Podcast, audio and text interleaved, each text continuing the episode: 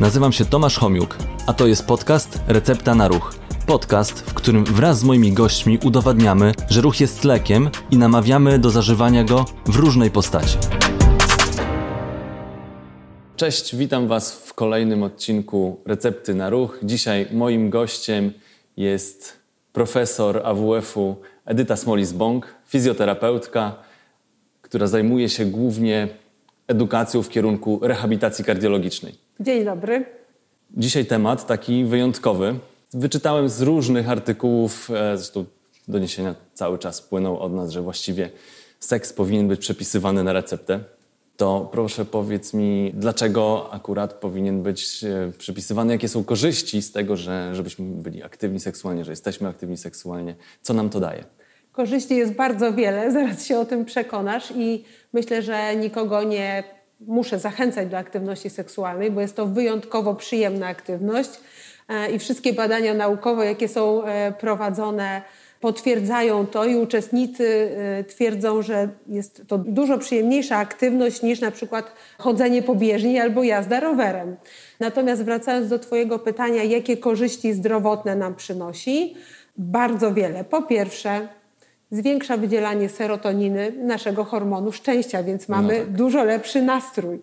Zwiększa ilość endorfin, które są takimi naszymi własnymi środkami przeciwbólowymi, więc badania mówią, że na przykład zmniejszają dolegliwości bólowe dotyczące migren. Ale jeżeli mówimy dalej o korzyściach zdrowotnych, to zmniejsza się także poziom kortyzolu, czyli hormonu stresu, więc dalej mówimy tutaj o odstresowaniu, rozluźnieniu. Mhm. W czasie aktywności seksualnej, zwłaszcza w trakcie orgazmu, zwiększa się wydzielanie oksytocyny, prolaktyny, co również redukuje stres, powoduje takie uspokojenie.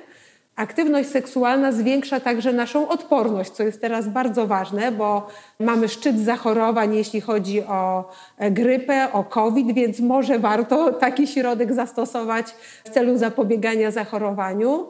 Poprawia również pamięć, poprawia samoocenę. I naukowcy udowadniają, że jeżeli ta aktywność seksualna jest co najmniej trzy razy w tygodniu, to o połowę redukuje ilość zawałów i udarów mózgu. Więc myślę, że Cię zachęciłam, a do tego powiem, że podczas aktywności seksualnej oczywiście spalamy sporą ilość kalorii, więc ona wspomaga odchudzanie. No właśnie, tylko e, tutaj mamy różną aktywność seksualną w różnej dawce. Jak w ogóle tą dawkę sobie policzyć? Bo te korzyści zdrowotne, to jasne, wszystko się zgadza, ale na przykład e, jeśli chodzi o tą odporność, no to też to musi być systematycznie, minimum trzy razy w tygodniu, żeby tą odporność w jakiś sposób nabyć. I tutaj mówiąc o dawce, bo, bo jak mamy receptę na ruch, a ruch podczas aktywności seksualnej może być bardziej bądź mniej intensywny, to zależy też od naszych upodobań i dużo innych jeszcze związanych z seksem no, warunków, które, które gdzieś tam, w jakich to się odbywa, z kim, jak tą dawkę określić, bo kalorie można spalać w różny sposób. No i podczas e, seksu można mniej bądź więcej. Jak sobie to zbadać, e, jak ta dawka wygląda?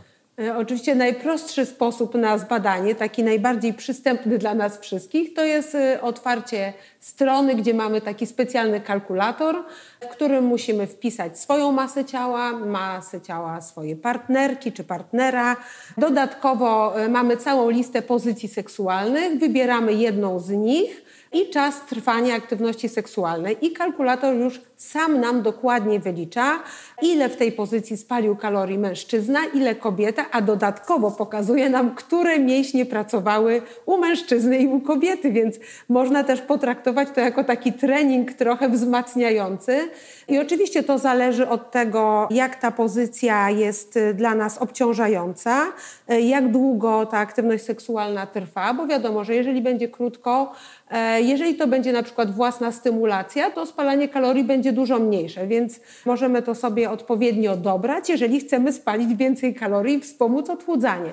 E, natomiast na przykład naszym pacjentom mówimy, że jeżeli szybko wejdą na pierwsze piętro w ciągu 10 sekund, albo przejdą kilometr w ciągu, półtora kilometra w ciągu 20 minut, albo na przykład umyją okna, to jest to mniej więcej takie samo obciążenie jak aktywność seksualna. Ważne jest, żeby ta aktywność seksualna była jednak regularna, dlatego że jeżeli ona występuje raz w tygodniu albo dwa razy w miesiącu, to wiadomo, że takich korzyści, o których mówiłam, nie będzie przynosiła. To zupełnie tak samo jak z aktywnością fizyczną. Mówimy, że musi być regularna, no to jest takie minimum trzy razy w tygodniu, prawda, jeśli chodzi o aktywność fizyczną, więc tutaj no też wydaje się, że powinna być przynajmniej taka częstotliwość. I oczywiście my możemy oszacować intensywność tej aktywności seksualnej również w inny sposób. Każda czynność, jaką wykonujemy, ma swoją intensywność, która jest wyrażana równoważnikiem metabolicznym MET. Jest to bardzo mądre stwierdzenie, natomiast mamy tabelę w internecie i możemy sobie sprawdzić, że na przykład wolny spacer, taki poniżej 3 km na godzinę, to jest 2,5 MET. Jazda na rowerze rekreacyjna 4 metr, jogging 8 metr, pompki też podobnie.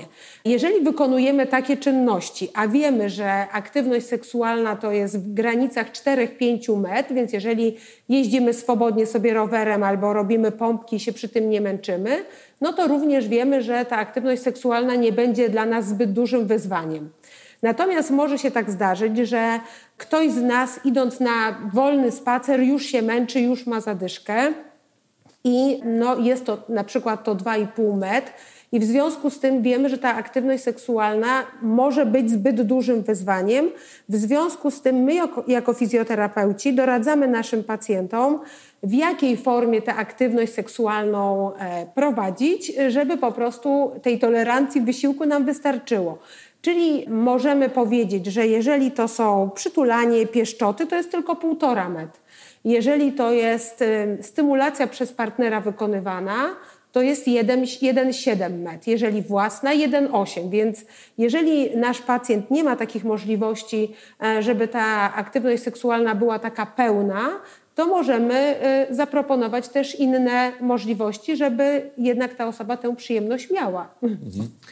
Wracając jeszcze do, do, kalkulatora, no bo to ciekawe jest. Bardzo ciekawe. Na pewno podlinkujemy ten kalkulator. Oczywiście. Osoby, które, które, nas słuchają, na pewno sobie będą mogły policzyć. Mhm. Pytanie jeszcze tylko, czy to liczyć przed, czy po, bo to różnie może wyglądać. Myślę, że chyba bardziej w kierunku takim, że mniej więcej e, podobne mamy te zachowania seksualne i gdzieś tam możemy sobie tak uśrednić i no zobaczyć, No właśnie, bo to, trzeba te, bo to tak naprawdę trzeba oszacować czas dokładnie.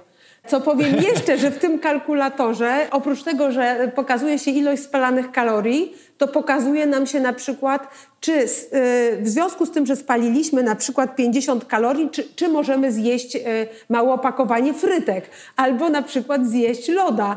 Więc od razu widzimy na przykład, że nie, czyli trzeba po prostu więcej. Tak, tam jest porównanie od tego, w zależności jak wyglądał nasz seks, to na ile możemy sobie pozwolić, pozwolić jedzenia dodatkowego. Jeśli chodzi o jedzenie, tak, jeśli chodzi o jedzenie, skoro spaliliśmy, no chyba, że się chcemy odchudzić, to na frytki. Na deficyt wtedy pracujemy. Tak, tak, pracujemy na deficyt, a nie na zjadanie słodyczy i frytek. No to ciekawe, trzeba będzie pokombinować z tym kalkulatorem, czy przed, czy po. Także ciekawe rozwiązanie. Co prawda tych pozycji nie jest tam bardzo dużo. Myślę, że pewnie nie więcej niż 20, więc no, wszystkiego ten kalkulator nam jednak nie obliczy.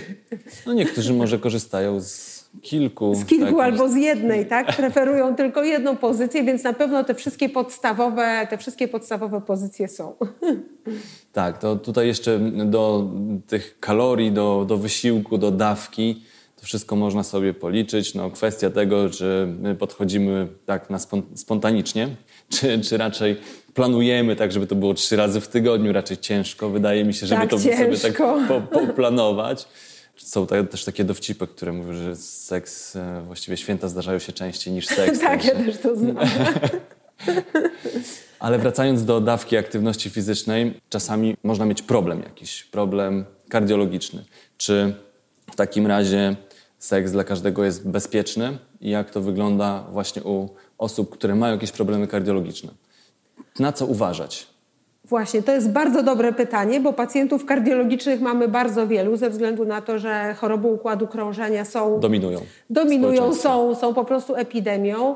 I rzeczywiście możemy powiedzieć, że aktywność seksualna jest bezpieczna, jeżeli spełniamy pewne zasady, pewne reguły.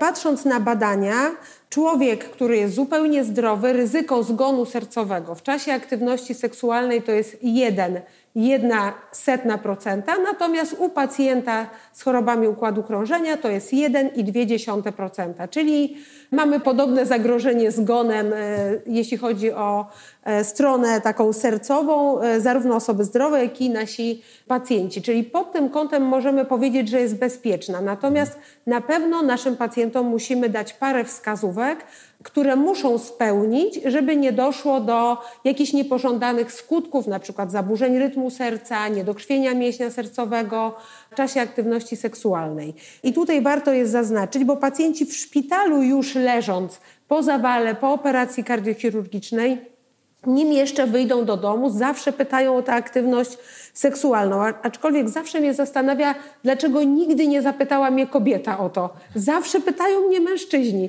Kobiety tak jakby... W... Ja wiem, że one, e, jeśli chodzi o chorobę układu krążenia, są starsze. Tak?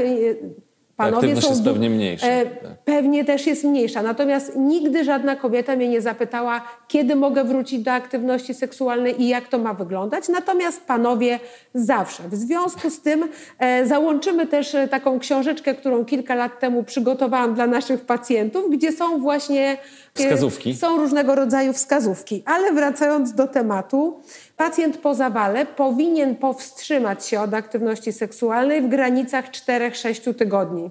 Co prawda, jak kiedyś powiedziałam to 40-latkowi, który leżał na ojomie, to powiedział cztery tygodnie, to tak jakbym nie jadł przez cztery tygodnie. W związku z tym okazuje się, że to cztery tygodnie no, dla niektórych jest i tak bardzo dużym wyzwaniem.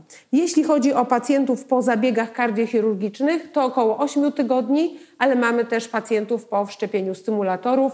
Tutaj tylko tydzień, więc e, w zasadzie pacjent jak wychodzi do domu, to jest tych kilka dni, kiedy zagoi się rana i można do aktywności seksualnej bezpiecznie wrócić. Nasi pacjenci kardiologiczni są podzieleni na takie grupy niskiego, średniego i wysokiego ryzyka zdarzeń sercowych. I wiadomo, że im więcej nasz pacjent ma obciążeń dodatkowych, im jest ciężej chory, tym e, bardziej musi tym, uważać. Tak, musi uważać i tym to e, ryzyko jest większe. Do takiej grupy z dużym ryzykiem należą głównie pacjenci, którzy są w niestabilnym stanie, pacjenci z zaawansowaną niewydolnością serca w klasie NH3, Pacjenci no to nie każdy będzie wiedział, Nie każdy znaczy będzie wiedział, ale z zaawansowaną niewydolnością serca, pacjenci z niekontrolowanym nadciśnieniem, e, z groźnymi dla życia zaburzeniami rytmu. I to jest ta grupa, która ma wysokie ryzyko i mówi się, że jeżeli pacjent znajduje się w tej grupie, nie powinien uprawiać aktywności seksualnej. I należą też do niej pacjenci po zawale do drugiego tygodnia. Ale z drugiej strony ta grupa też jest taka płynna, czyli jeżeli uregulujemy ciśnienie, e, jeżeli farmakologicznie bądź w inny sposób uregulujemy, te, zmniejszymy te zaburzenia rytmu, czy czas od zawału będzie płynął dalej, to wychodzimy z tej grupy wysokiego ryzyka. Generalnie pacjenci kardiologiczni nie mają przeciwwskazań do leków, które wspomagają erekcję, ale też warto powiedzieć, że to mają być leki przepisane na receptę przez kardiologa, a nie kupowane gdzieś tak, pokątnie, bez, bez recepty. Mhm. Poza tym też pamiętajmy, że te leki, które są reklamowane i są e, bez recepty, one są w dużo mniejszych dawkach i one nie działają w taki sposób jak E, leki, które są przepisane przez e, kardiologa i są bezpieczne dla naszych pacjentów. Więc jakby na pewno, e, na pewno w zależności od stanu pacjenta są różne zalecenia, ale musimy pamiętać, że jeżeli właśnie te podstawowe czynności, jak szybkie wejście na pierwsze piętro, czy ten spacer półtora kilometra w 20 minut nie męczy, nie daje żadnych objawów, bólu w klatce piersiowej, duszności, kołatania serca, to można e, domniemywać, że aktywność seksualna nie będzie zbyt dużym wyzwaniem i można do niej spokojnie wrócić. wrócić. Tak. Jeżeli pacjent ma jakiś niepokój, bo po prostu nie czuje się najlepiej, warto pójść do lekarza, do kardiologa. Czasami nawet lekarz może zlecić test wysiłkowy, żeby sprawdzić, czy w czasie aktywności fizycznej nie ma zaburzeń rytmu, nie ma niedokrwienia, czy wszystko jest w porządku.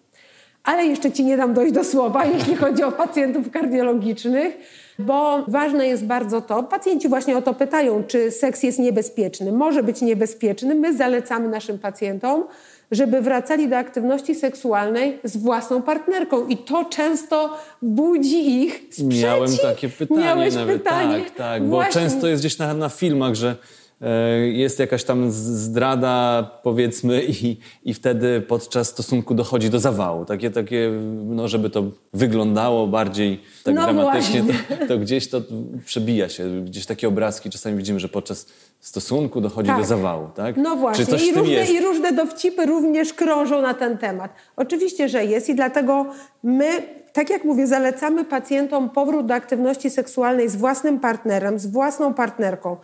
Pacjenci pytają dlaczego. Kiedyś pacjent mi powiedział tak, proszę pani, cóż to jest za głupia porada? Przecież ja z własną żoną, to ja się tak strasznie namęczę i to będzie dla mnie tak ogromne obciążenie wysiłkiem fizycznym, a gdybym ja miał taką młodą partnerkę dwudziestoletnią, mówił to pacjent lat 60, to przecież wszystko ja załatwię w 5 minut, nie zmęczę się i tu zupełnie mi nic nie grozi. No więc właśnie dlaczego ta młoda na przykład, albo dużo młodsza partnerka, albo po prostu zupełnie nowa, czy partner może tutaj jakieś zagrożenie nam stwarzać? Po pierwsze dlatego, że... Więcej emocji? Właśnie, dużo więcej emocji plus jeszcze stres, bo jeżeli jesteśmy w związku, no to gdzieś tam mamy ograniczone godziny spotkania, śpieszymy się, żona dzwoni właśnie akurat wtedy, więc jest dodatkowy stres. Często takie spotkanie jest poprzedzone ciężkostrawnym posiłkiem, alkoholem, a i ty i ja wiemy dobrze, że przed aktywnością fizyczną, przed pójściem na siłownię, na ściankę, przecież nie zjemy golonki i nie napijemy się pół litra piwa, prawda? Zawsze musimy odpocząć, więc tutaj jest dokładnie tak samo. I jedzenie, i picie alkoholu przed aktywnością seksualną nie jest wskazane, ani dla osób zdrowych, chociaż nam nie zaszkodzi na pewno, ale na pewno dla naszych pacjentów tak. Dodatkowo wyobraź sobie, że mamy naszego pacjenta, który ma 10 lat młodszą partnerkę i nagle w czasie aktywności seksualnej dostaje bólu wieńcowego. Czy myślisz, że powie jej, kochanie, przepraszam, ale ja mam tabletki na rozszerzenie naczyń wieńcowych w torbie? No wiadomo, że nie, więc często to jest takie lekceważenie objawów z jednej strony, a z drugiej strony chęć pokazania temu partnerowi, e, Jakim co to mogę, jest, tak, jakim to wspaniałym, jestem. silnym. Dokładnie tak. I to wszystko jakby przeszacowuje nasze możliwości. Może doprowadzić do niedokrwienia, może też w konsekwencji doprowadzić do zawału. Czyli tutaj zdecydowanie polecamy Stałe par- własnego partnera. Partnera, partnerki, tak? Zwłaszcza, że było bardzo wiele badań robionych w wielu krajach. Badano e, wszystkie nagłe zgony, w tym wyszczególniono zgony z powodów sercowych i okazało się, że ja bym powiedziała, że 80% tych zgonów z powodów sercowych to byli mężczyźni w trakcie przed bądź po stosunkach pozamałżeńskich. Więc przestrzegam, koniecznie z własnym partnerem. I tutaj też dużo się mówi o tym, żeby e, zapewnić sobie taką miłą, relaksującą atmosferę, odpowiednią temperaturę w sypialni, żeby nie było za gorąco, za zimno, żeby było po prostu komfortowo. Romantycznie ma być. Żeby było romantycznie, komfortowo i też jest e, taka uwaga, że jeżeli wiemy, że ta aktywność seksualna jest dla nas dużym wyzwaniem, warto swojemu partnerowi pozwolić na przyjęcie inicjatywy, też będzie przyjemnie, a zmęczenie będzie mniejsze. Okej, czyli zwracamy uwagę na z kim przede wszystkim też, nie, nie tylko jak, ale też i z kim. Tak jest. Ale tak jak e, wiemy doskonale, właśnie ta aktywność seksualna u pacjentów, nawet z chorobami kardiologicznymi, jest bardzo zalecana, bo właśnie zmniejsza ryzyko przedwczesnego zgonu.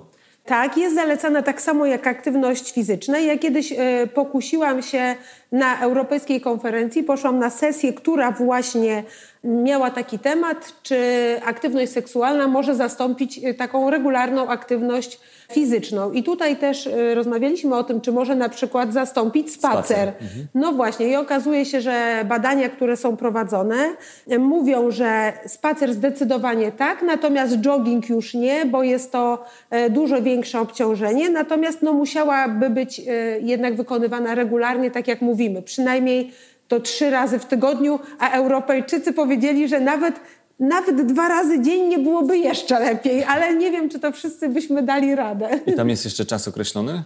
Pojedynczego aktu? E, tak to znaczy w tych badaniach, e, o których mówię, e, rzeczywiście ci badani mieli zrobiony najpierw taki trening na bieżni ruchomej i zobaczono ile spalają kalorii, jakie to jest dla nich obciążenie i również badano ich podczas aktywności seksualnej, która trwała około 25 minut. Czyli hmm. trening na bieżni był 30 minut i porównywano do aktywności seksualnej 25-minutowej. To, to nieźle. To rozumiem, że co to były jakieś e, próba ergospirometryczna może? Czy, e... czy sam, sam, samo EKG? Czy to był holter? E, mówisz Nie w trakcie. Jak, jak, to badali w trakcie? E, oni, mieli, znaczy oni badali, wydaje mi się, że oni w jakiś sposób wyliczali pochłanianie tlenu, ale ja dokładnie nie ale pamiętam. Ale to musiało być z maską, mi się wydaje. Nie, nie, to właśnie to nie było. To było jakoś wyliczane na podstawie, to było wyliczane na podstawie jakichś, tak, jakichś wzorów. Może kalkulatora tego, którego... Może, może właśnie tego kalkulatora, ale to były dokładnie te same pary, kobiety, mężczyźni zbadani, było dokładnie obciążenie w czasie aktywności, w czasie tego treningu, no ale przypominam, że to było jednak 25, 25 minut, minut, więc no. nie możemy powiedzieć, że trzyminutowa aktywność seksualna zastąpi nam spacer. Nie, nie, nie, to musi być jednak, musimy włożyć w to więcej energii. Czyli może też u pacjentów kardiologicznych nie tak e, intensywnie krótko, tylko Właśnie, może bardziej umiarkowania dłużej, no ale właśnie przytulanie, pieszczoty, jeżeli doradzamy pacjentom, to też mówimy o eksperymentowaniu, szukaniu nowych miejsc na ciele pacjenta, które być może właśnie pieszczoty czy pocałunki będą sprawiały jakąś większą przyjemność, może coś nowego odkryjemy. To dobry pretekst. Do, do, na przykład pacjent wychodzi ze szpitala i mówi, no kochana żono, ale teraz dostałem takie zalecenia tak. od lekarza i muszę trochę posprawdzać. No właśnie i to jest dobre, bo chciałam powiedzieć, że często tak jest, e, że jeżeli przychodzi żona i odbiera e, swojego męża ze szpitala, to zaczyna się od tego, że mówi tak, kochanie, aktywności seksualnej to już teraz nie. I ja sobie zawsze wtedy myślę tak, no nie będzie musiała używać tego argumentu, że ją boli głowa, tylko po prostu teraz już nie, bo ty jesteś chory, bo ty jesteś po zawale. A to wcale nieprawda, bo jednak ta aktywność seksualna jest bardzo ważna. Także mamy świetną podpowiedź um, dla, naszych, dla niektórych pacjentów, dla naszych pacjentów. Którzy... Zwłaszcza, że wiemy, że, tak, dodatkowego. Że, że poprawi nam nastrój, poprawi nam jakość życia, więc to jest, i to jest bardzo ważne. I też ja jakby ostatnio się przekonałam, że czasami wydawało mi się, że nasi pacjenci są zbyt chorzy, żeby w ogóle myśleć o seksie, że, że jak ktoś jest już tak chory, no to to jest jakby jego ostatnia potrzeba, tak? A w tej chwili realizujemy taki projekt, do którego zaprosiłam do współpracy pana profesora Starowicza, i dotyczy on naszych pacjentów kardiologicznych, którzy mają wszczepione e, mechaniczne pompy wspomagające pracę serca. I pacjent z taką pompą wychodzi do domu. Jest to pacjent z bardzo zaawansowaną niewydolnością serca, czekający na przeszczep serca. Zastanawiałam się, czy taki pacjent będzie chciał z nami rozmawiać o aktywności seksualnej. Zapytaliśmy, wydaje mi się, że około 60 pacjentów. No to duża e, grupa. Wszystkich, którzy w Instytucie Kardiologii mieli wszczepioną tą pompę. Około pięciu czy sześciu osób tylko nam odmówiło, ale to tylko dlatego, że argument był taki, że ja nie uprawiam aktywności seksualnej, jestem samotny, nie mam partnera, nie mam mhm. partnerki i po prostu nie jestem tym zainteresowany.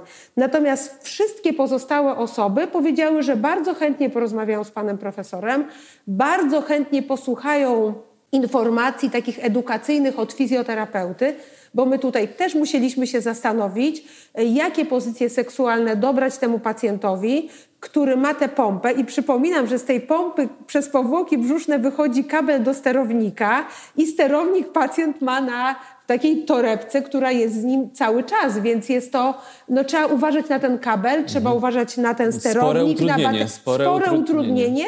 E, no ale oczywiście wszystko się da wymyślić i mamy pacjentów takich od 18 Co, wymyślaliście roku. pozycję, rozumiem, tak? Wymyślaliśmy tak? również pozycję dla naszych pacjentów i... No ciekawy jestem, jak to wy, wy, wyglądało w praktyce. Nie wiem, czy wszyscy pacjenci skorzystali z tych naszych rad, jeszcze do końca tego nie wiem.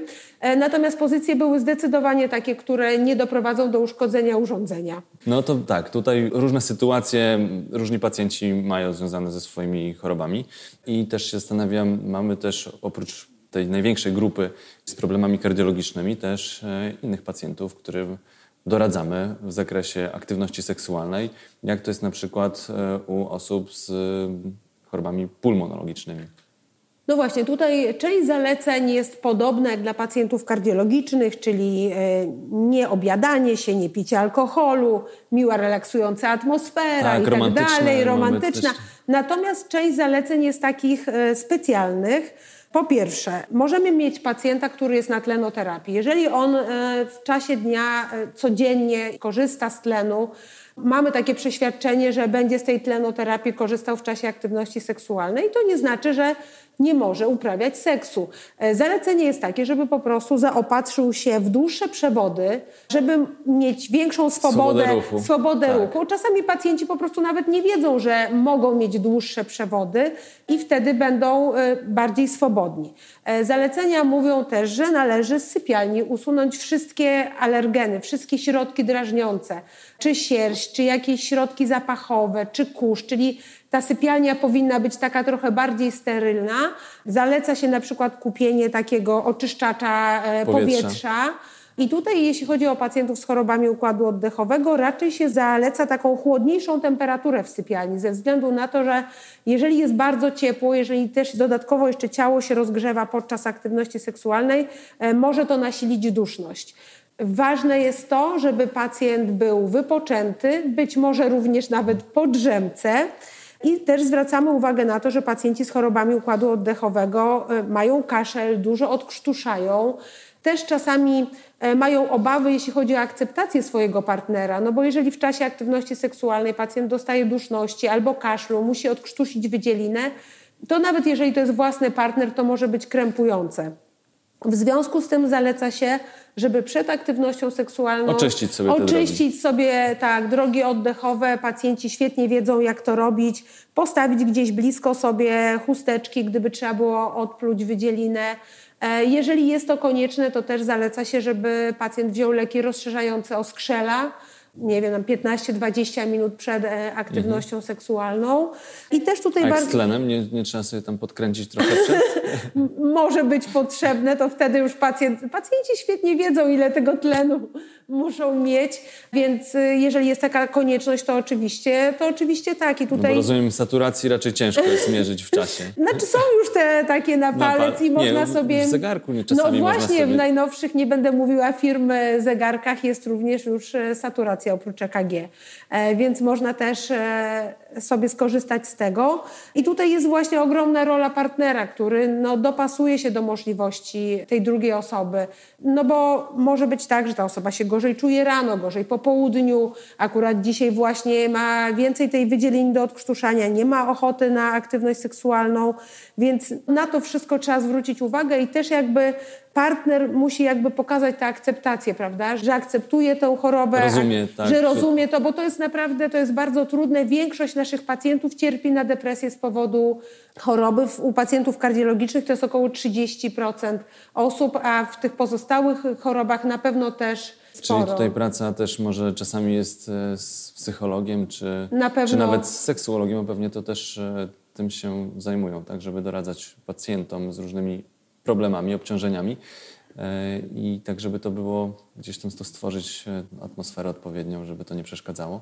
Ale jeszcze chciałem dopytać, bo mamy osoby, które mają jakieś problemy kardiologiczne związane z układem oddechowym, jeszcze jakieś choroby przewlekłe, które tutaj warto może jakichś wskazówek udzielić, e, czy, czy jakieś choroby No właśnie przewlekłe inne. i mm, wydaje się, że choroby przewlekłe to są naprawdę już czasami bardzo ciężkie stany pacjentów, bo tu mamy Na przykład pacjentów cukrzyca, tak? Tutaj też cukrzyca, naczynia. choroby, choroby onkologiczne, Onkologiczne. choroby reumatyczne. I teraz osoba chorująca po pierwsze ma problem z akceptacją też swojego ciała i zmian, tak? czy po chemioterapii, czy jakichś zniekształceń, które się pojawiają e, w czasie choroby. Ma ogromne dolegliwości bólowe, e, jest osłabiona, generalnie ma złe samopoczucie. Ale tak jak mówię, nigdy nie możemy powiedzieć, że ktoś jest zbyt chory na aktywność seksualną, bo czasami nawet pacjenci onkologiczni z przerzutami, którzy leżą w hospicjum, też jeszcze mają ochotę Potrzebę, na aktywność i potrzebę.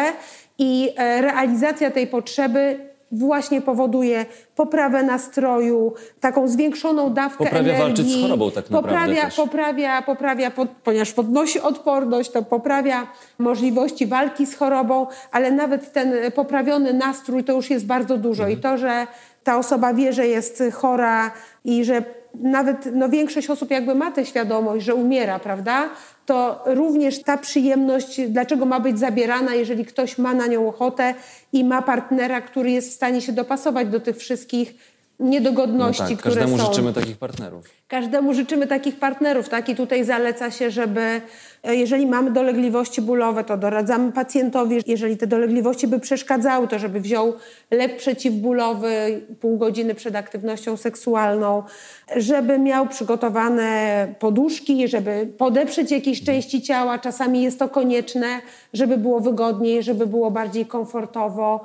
I tutaj też bardzo dużo się mówi właśnie o eksperymentowaniu, o pieszczotach, o dotyku terapeutycznym. Nie wiem, czy oglądałeś ostatnio program Martyny Wojciechowskiej o takiej pani, którą można by było, paniach w Czechach, e, które można by było nazwać takimi asystentkami seksualnymi. O, wiesz co, nawet e, przypadkowo gdzieś e, fragment obejrzałem. Ja słyszałem, że to gdzieś w Skandynawii tak, bardzo ja dobrze oglądałam, funkcjonuje. oglądałam nawet program właśnie o tych paniach ze Skandynawii. I e, rzeczywiście okazuje się, że osoby, które są porażone czterokończynowo, które w ogóle nie siadają, nie wstają, właśnie taki dotyk, taka atmosfera, pieszczoty, no w tych miejscach na przykład, gdzie mają czucie, e, sprawia ogromną przyjemność. Mhm. I ci ludzie się szykują na te spotkania, są e, bardzo zadowoleni z takich spotkań, więc tak naprawdę, tak jak mówię, no, nikomu nie można, nikomu nie można odbierać. odbierać. Tak, nawet u tych pacjentów e, u, w chorobach psychicznych to też e, te asystentki Mhm. często pomagają, bo te osoby tak samo mają swoje potrzeby seksualne, które chciałby zaspokajać.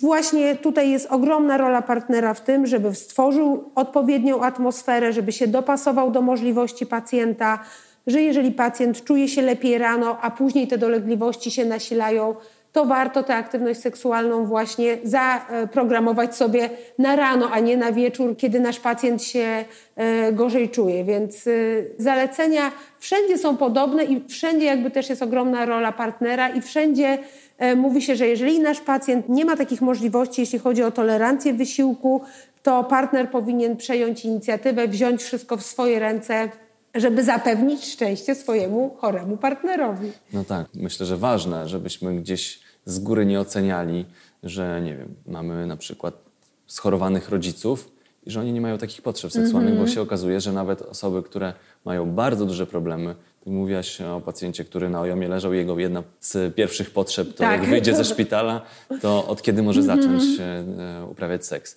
To chyba ważne, żebyśmy o tym pamiętali, żeby Tak. nie, że nie wiem, osoba starsza nam się wydaje, że ona nie ma takich nie, potrzeb. Tak, żebyśmy tak? nie oceniali, że ktoś jest chory, stary. To już nie, nic, no. Po prostu nie. Każdy z nas jest inny, każdy ma inne potrzeby, inne preferencje i należy je też e, dopasować. I jeszcze wracając do tych zaleceń, bo mi się przypomniało, a propos pozycji seksualnych, tak? bo my jako fizjoterapeuci według mnie jesteśmy jedną z lepiej przygotowanych grup do takiego doradzania, bo tak e, teraz e, wyobraźmy sobie pacjenta po endoprotezie stawu biodrowego czy stawu kolanowego. My świetnie wiemy, jaka pozycja jest przeciwwskazana, kiedy może dojść Tak, do wyłamania tych- na przykład endoprotezy. A jeszcze jest endoproteza taka, E, inna, z dostępu więc- przedniego, tylnego i tutaj są inne zalecenia, więc my to doskonale wiemy. Znamy się na tolerancji wysiłku i bardzo często właśnie jeśli chodzi o tych pacjentów z chorobami układu krążenia oddechowego, chorobami przewlekłymi, mówi się o tym, żeby też pacjentowi dokładnie dobrać te pozycje. Znaczy my oczywiście musimy się sugerować też preferencjami pacjenta, bo No oczywiście, e, tak. ja zawsze się z tego śmieję, bo kardiolodzy mówią, że dla pacjenta kardiologicznego najlepsza pozycja to jest na boku. I jak ja mówię pacjentowi, to przekazuję, to pacjent mówi tak, łe, na boku to ja nie lubię. No i wtedy musimy powiedzieć, że co jest ważne, żeby klatka piersiowa nie była nadmiernie uciskana, no bo wtedy stwarza ograniczenie oddychania, prawda? Tutaj jeśli chodzi o pacjentów kardiologicznych, chodzi o to, żeby nie było takiego długotrwałego wysiłku statycznego, podporu Na e, rękach na, na rękach, prawda? E, No więc możemy dobierać te pozycje, no na przykład to może być pozycja No stojąca, no różne, różne, Tyle, prawda? tyle dostępnej literatury i tak, materiałów, że, że można sobie dobrać, ale czasami pacjent nas pyta o konkret, więc my po prostu musimy konkretną pozycję dobrać. A na przykład jeśli chodzi o pacjentów z chorobami układu oddechowego, nie zaleca się długich pocałunków, tak? bo gdzieś to utrudnia oddychanie. Nie zaleca Mhm. się seksu oralnego, bo też będzie utrudniało oddychanie. W związku no znowu z pacjent tym... powie, "Łe". Łe, powie łe, powie łe. Dlaczego? Ja na przykład to lubię robić, tak? no ale musimy też Uprzedzić. pacjentowi powiedzieć, że e, w takiej sytuacji no, może być utrudnione oddychanie, prawda? Mhm. Więc y, musi na to zwrócić uwagę. Albo pacjent kardiochirurgiczny, który ma przecięty mostek. Tak. Jasno musimy powiedzieć, że y, pozycja musi być taka, żeby partnerka nie uciskała na klatkę piersiową. E, No ale tutaj panowie najczęściej od razu, od razu wiedzą, co im sprawia największą przyjemność, więc nie, e, nie Szybko trzeba, znajdują szybko rozwiązania. znajdują rozwiązanie tego problemu. Ale rzeczywiście tutaj też, e, też jesteśmy w stanie doradzić, powiedzieć, jaka ta pozycja będzie bezpieczna ze względu na układ ruchu, ale też i na układ e, oddechowy, układ krążenia. Także pamiętajcie, pytajcie fizjoterapeutów, Tak. jakie pozycje, tak, w Jakie- ogóle, jak, dokładnie. jak, jak ta aktywność seksualna powinna wyglądać, oczywiście uwzględniając te preferencje, bo to najważniejsze, żeby Tak. to sprawiało jak najwięcej przyjemności. Tak więc często... Rece, receptę taką na, na, tą, e, na ten ruch specyficzny, taki, który daje przyjemność, tutaj będziemy starali się wspólnie dopasowywać. Wracając jeszcze do tych pacjentów kardiologicznych, bo też mam takie tutaj e, pytanie, pewnie sporo panów będzie e, zainteresowanych, bo jest też tak, że nie tylko choroby kardiologiczne, cukrzyca prawdopodobnie tak samo, pewne choroby wpływają na erekcję, czy powodują zaburzenia erekcji. Czy coś tutaj, jakieś e, e, rady, czy, czy ewentualnie, Rady, co, no co możemy powiedzieć, jak, jak to wygląda, tak? możemy- żeby żeby też wiesz- trochę przestraszyć, No żebyśmy byli właśnie. bardziej aktywni fizycznie, czyli żeby ta recepta na ruch była stosowana, żebyśmy nie mieli takich problemów. To jest w ogóle bardzo ważne pytanie, bo najczęściej jest tak, że jeżeli młody człowiek 30-40-letni ma zaburzenia erekcji, to najczęściej zrzuca to na zmęczenie, niewyspanie, Stan- stres. stan psychiczny, Stan tak. psychiczny i mówi, że no prawdopodobnie dlatego mam kłopoty z erekcją. A właśnie, przypomniałem sobie, że są nawet takie badania, które pokazują, że jak jest problem z erekcją, to można prognozować, że jest jakieś zwiększone ryzyko pewnej choroby. No właśnie i dokładnie, właśnie dokładnie do tego dążymy. I jakby rozwijając to ciut naukowo, e, blaszki miażdżycowe, które odkładają się naczy, na przykład w naczyniach wieńcowych, odkładają się w różnych naczyniach, Tak. również w naczyniach doprowadzających krew do prącia. I teraz różnica jest e, ogromna, jeśli chodzi o średnicę tych naczyń, bo naczynia wieńcowe, no to powiedzmy tam 1,5-2 mm, a e, naczynia w prąciu to będzie pół milimetra.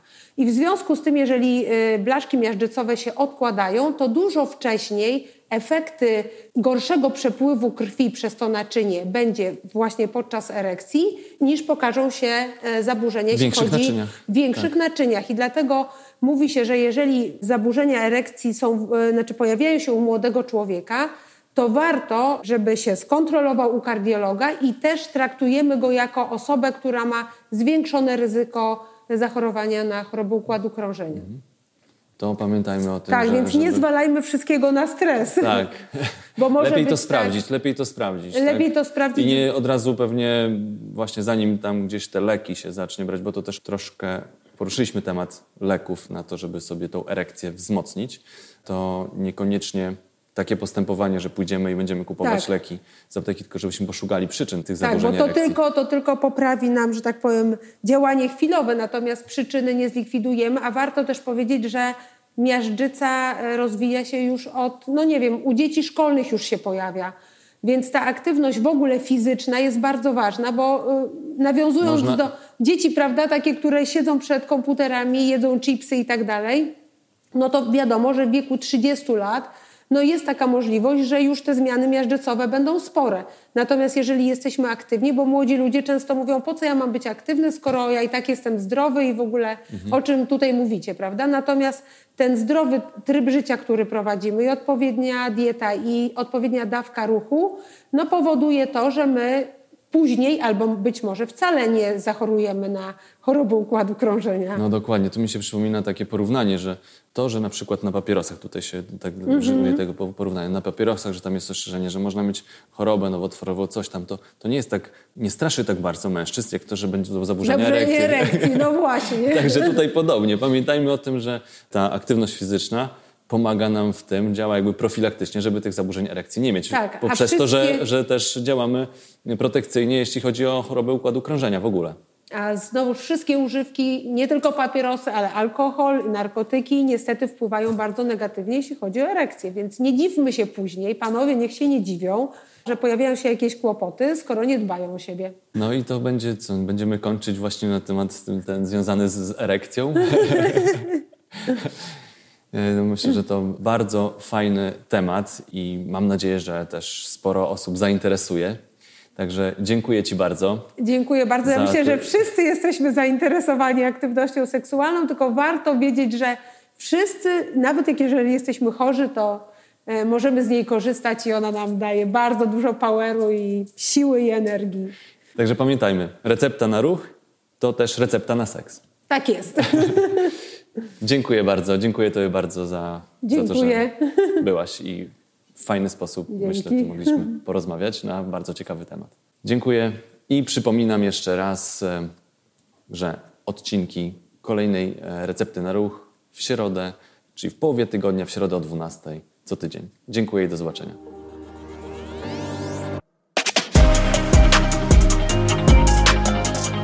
Dzięki, że byliście. Mam nadzieję, że zostaniecie tutaj na dłużej. Jeżeli chcecie być na bieżąco, zasubskrybujcie kanał Recepta na Ruch.